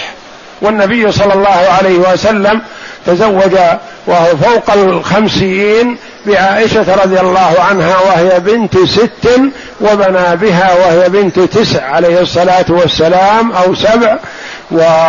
وكانت أحظى نساء عنده وكانت تجله رضي الله عنها وأرضاها وترتبط به كثيرا. فما لا أثر للسن كبر وصغر وإنما المطلوب التفاهم بين الزوجين بصرف النظر عن العمر. وكانت يومئذ أفضل نساء قومها نسبا وثروة وعقلا. وهي أول امرأة تزوجها رسول الله صلى الله عليه وسلم ولم يتزوج عليها غيرها حتى ماتت. وكان لها ولد أو أولاد من قبله عليه الصلاة والسلام. كان لها أولاد و تزوجها وعمرها أربعون وعمرها وعمره عليه الصلاة والسلام خمس وعشرون سنة. وكل أولاد النبي صلى الله عليه وسلم منها إلا إبراهيم فمن مارية القبطية. مع أنه تزوج مجموعة من النسوة وكان يقسم لتسع عليه الصلاة والسلام وتزوج أكثر ويقسم لتسع وأولاده كلهم من خديجة. ولم يتزوج عليها حال حياتها رضي الله عنها إكراما لها. بقيت معه حتى توفيت رضي الله عنها فتزوج بعد هذا النسوة وعدد عليه الصلاة والسلام. نعم.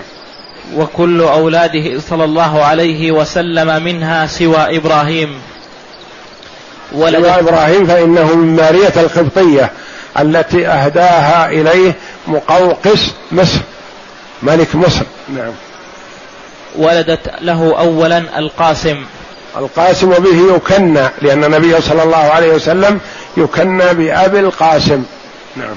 وبه كان يكنى ثم زينب ورقية وأم كلثوم وفاطمة وعبد الله. وكان عبد الله يلقب بالطيب والطاهر. ومات بنوه كلهم في صغرهم. ماتوا في صغرهم قبل الإسلام. أما البنات فكلهن أدركن الإسلام فأسلمن وهاجرن إلا إنهن أدرك أدركتهن الوفاة في حياته صلى الله عليه وسلم. أدركن الإسلام زينب ورقية وأم كلثوم وفاطمة رضي الله عنهن وتزوجن في حياته صلى الله عليه وسلم وهاجرن معه وتوفين كلهن قبله إلا فاطمة توفيت بعده بستة أشهر. فتوفي صلى الله عليه وسلم ولم يكن عنده من أولاده سوى فاطمة رضي الله عنها وقد أخبرها بما أطلعه الله جل وعلا عليه بأنها أول أهله لحوقا به.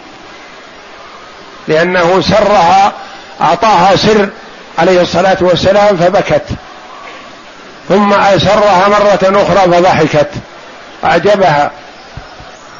فقالت لها عائشة ماذا قال لك النبي صلى الله عليه وسلم؟ قالت لا أخبر بذلك أحدا. هذا سر. فلما توفي النبي صلى الله عليه وسلم سألتها عائشة بحقها عليها بأن تخبرها لأنها أمها أم المؤمنين كلهم أن تخبرها. فقالت إنه أخبرني قال إن جبريل كان يعارضني القرآن في شهر رمضان مرة وإنه عارضني في هذه السنة مرتين ولا أراه إلا دنو أجلي فاصبري. فبكت رضي الله عنها لما أخبرها عن دنو أجله.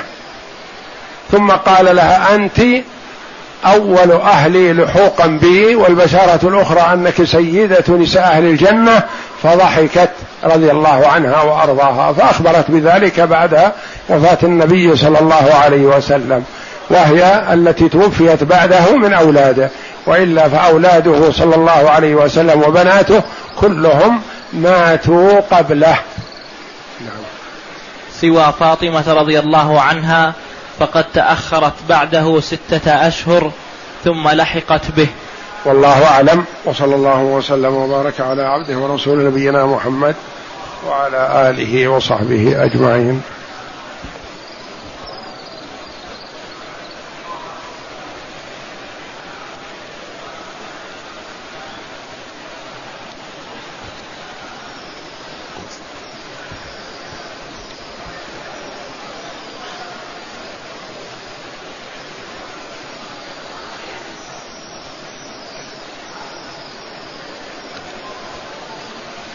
يقول السائل أيهما أفضل الأذان أم طلب العلم؟ كلاهما فاضل ولا يتنافيان. ممكن أن يكون يؤذن وأن يطلب العلم.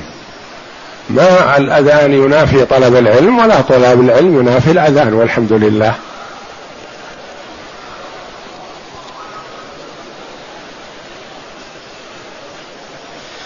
يقول السائل هل يجوز للمرأة أن تخرج في بيتها بدون إذن زوجها؟ ما يجوز للمرأة أن تخرج من بيتها إلا بإذن زوجها إلا إذا علمت رضاه وموافقته على ذلك فلا حرج عليها في هذا.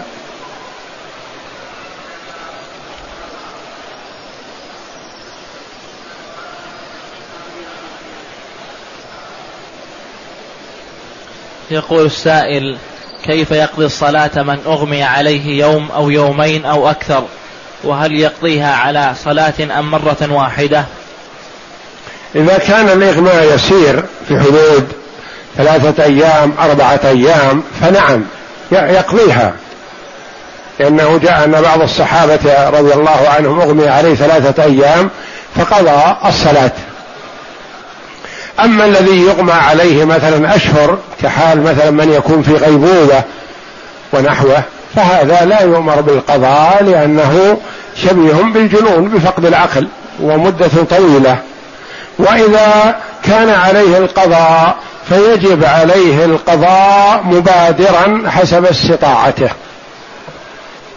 إذا ترك الصلاة مثلا لكونه في إغماء أو أعطي علاج منوم ونحوه مثلا فنام أو من نوع البنج ونحوه فإذا صحى يقضي مبادرا مرتبا. أول ما ترك مثلا من الصلوات صلاة الظهر يقضي صلاة الظهر ثم العصر ثم المغرب ثم العشاء ثم الفجر من اليوم الثاني ثم الظهر ثم العصر وهكذا. يقضي مرتبا وحسب استطاعته. يصلي صلوات يوم أو أكثر أو أقل في جلسة واحدة مثلا. ثم يستريح إذا كان يشق عليه لمرضه. ثم يقضي بعد هذا حسب توقفه. وهكذا. ولا يسوغ له أن يقضي صلاة الفجر مع الفجر والظهر مع الظهر والعصر مع العصر. هذا غير صحيح. يفعله بعض الناس جهلا. فإذا كان عليه صلوات فعليه المبادرة بقضائها.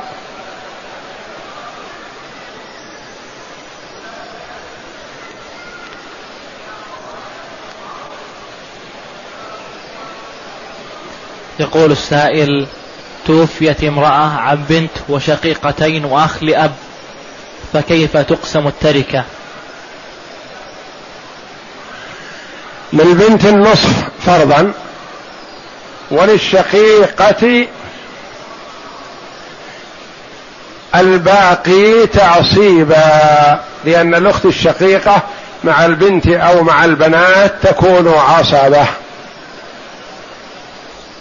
والأخ لأب ليس له شيء.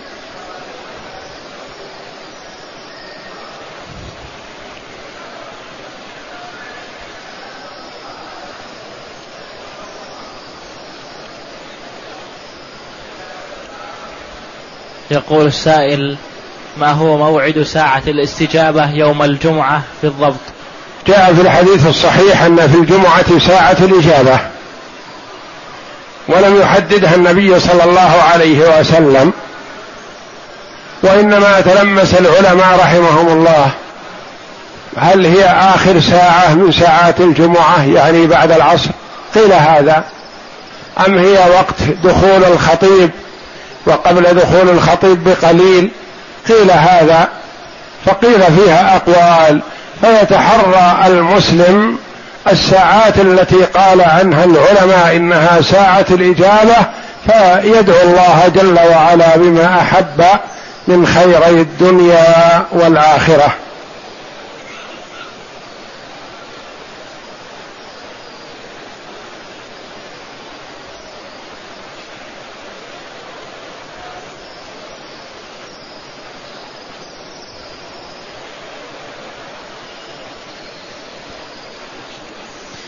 يقول السائل ما حكم إنشاء الطواف في أوقات النهي كمن صلى الظهر في الحرم ومكث إلى المغرب؟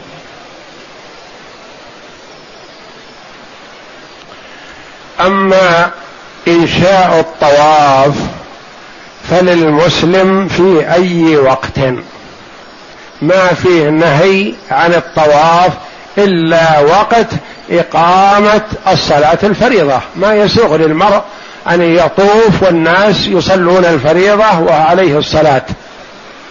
وهو لم يكن قد صلى من قبل.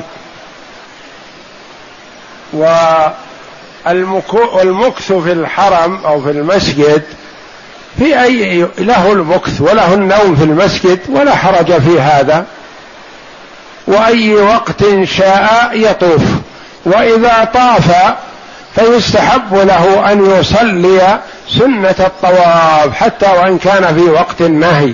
لقوله صلى الله عليه وسلم يا بني عبد مناف لا تمنعوا أحدا طاف بهذا البيت وصلى فيه أي ساعة شاء من ليل أو نهار.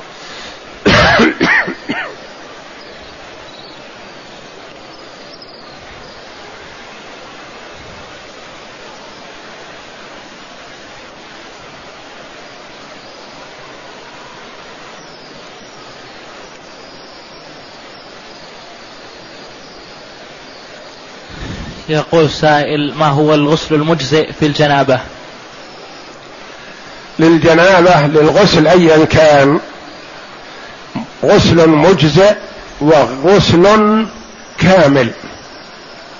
فالغسل المجزئ هو أن يسمي وينوي النية والتسمية باللسان والنية بالقلب. ويغسل ما لوثه أو يستنجي ثم يفيض الماء على سائر جسده مرة واحدة.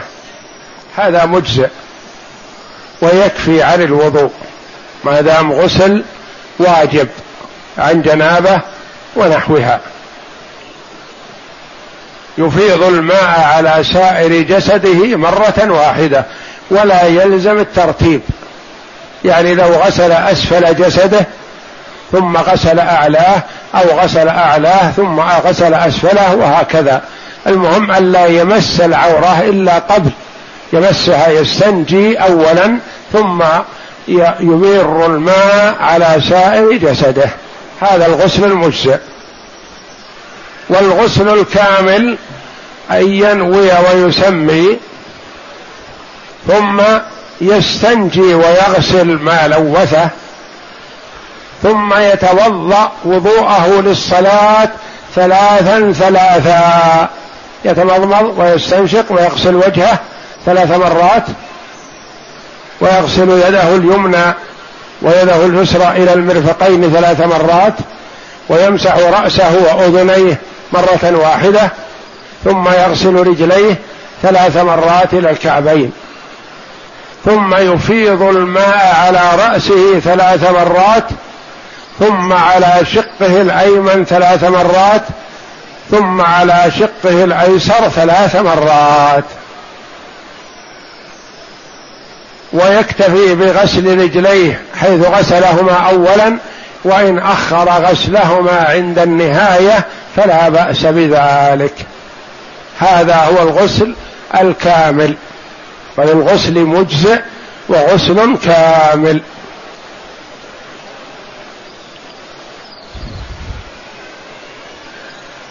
يقول السائل بما بما تدرك الجماعة؟ تدرك الجماعة بإدراك الركعة. إذا أدرك الركعة الأخيرة أدرك ركعة من الصلاة فقد أدرك الجماعة. وما كان أقل من ذلك فمحل خلاف بين العلماء رحمهم الله.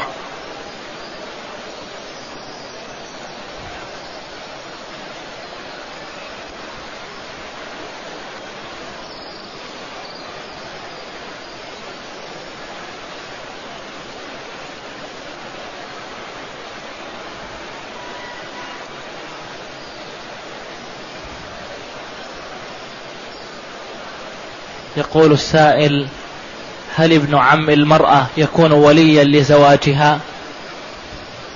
نعم إذا لم يكن هناك أحد أقرب منه.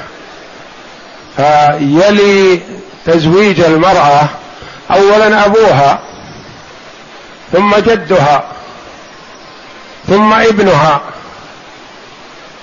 ثم ابن الابن وإن نزل. ثم الأخ الشقيق ثم الأخ لأب ثم ابن الأخ الشقيق ثم ابن الأخ لأب ثم العم الشقيق ثم العم لأب وهكذا ثم ابن العم الشقيق ثم ابن العم لأب وهكذا. العصبة.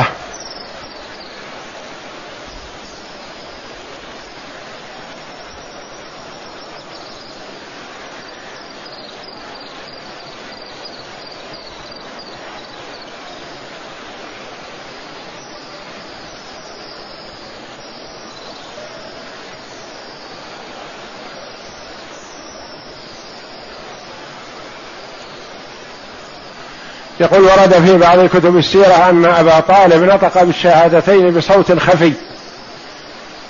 لا هذا غير صحيح. لأن النبي صلى الله عليه وسلم كان عنده حال الاحتضار. قبل الاحتضار وهو في قبل أن يعاين فكان يحث عليه الصلاة والسلام على أن يقول لا إله إلا الله أن يشهد أن لا إله إلا الله كلمة يحاج له بها عند الله. ثم يعترض جليس السوء عند عند أبي طالب فيقولان له أترغب عن ملة عبد المطلب؟ فآخر ما كان من أمره أنه على ملة عبد المطلب. فقال النبي صلى الله عليه وسلم لا أستغفرن لك ما لم أنه عنك. فأنزل الله جل وعلا ما كان للنبي والذين آمنوا أن يستغفروا للمشركين ولو كانوا أولي قربى. من بعد ما تبين لهم أنهم أصحاب الجحيم. وأنزل الله جل وعلا في حق أبي طالب إنك لا تهدي من أحببت ولكن الله يهدي من يشاء.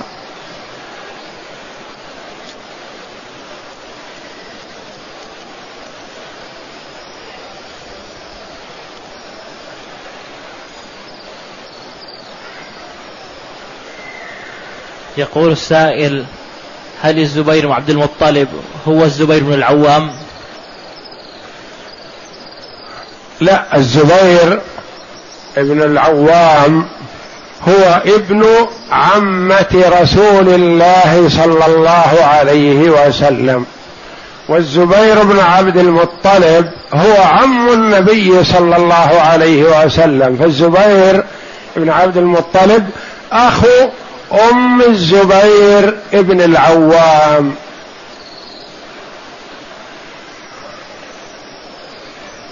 والله أعلم وصلى الله وسلم وبارك على عبده ورسول نبينا محمد وعلى آله وصحبه أجمعين.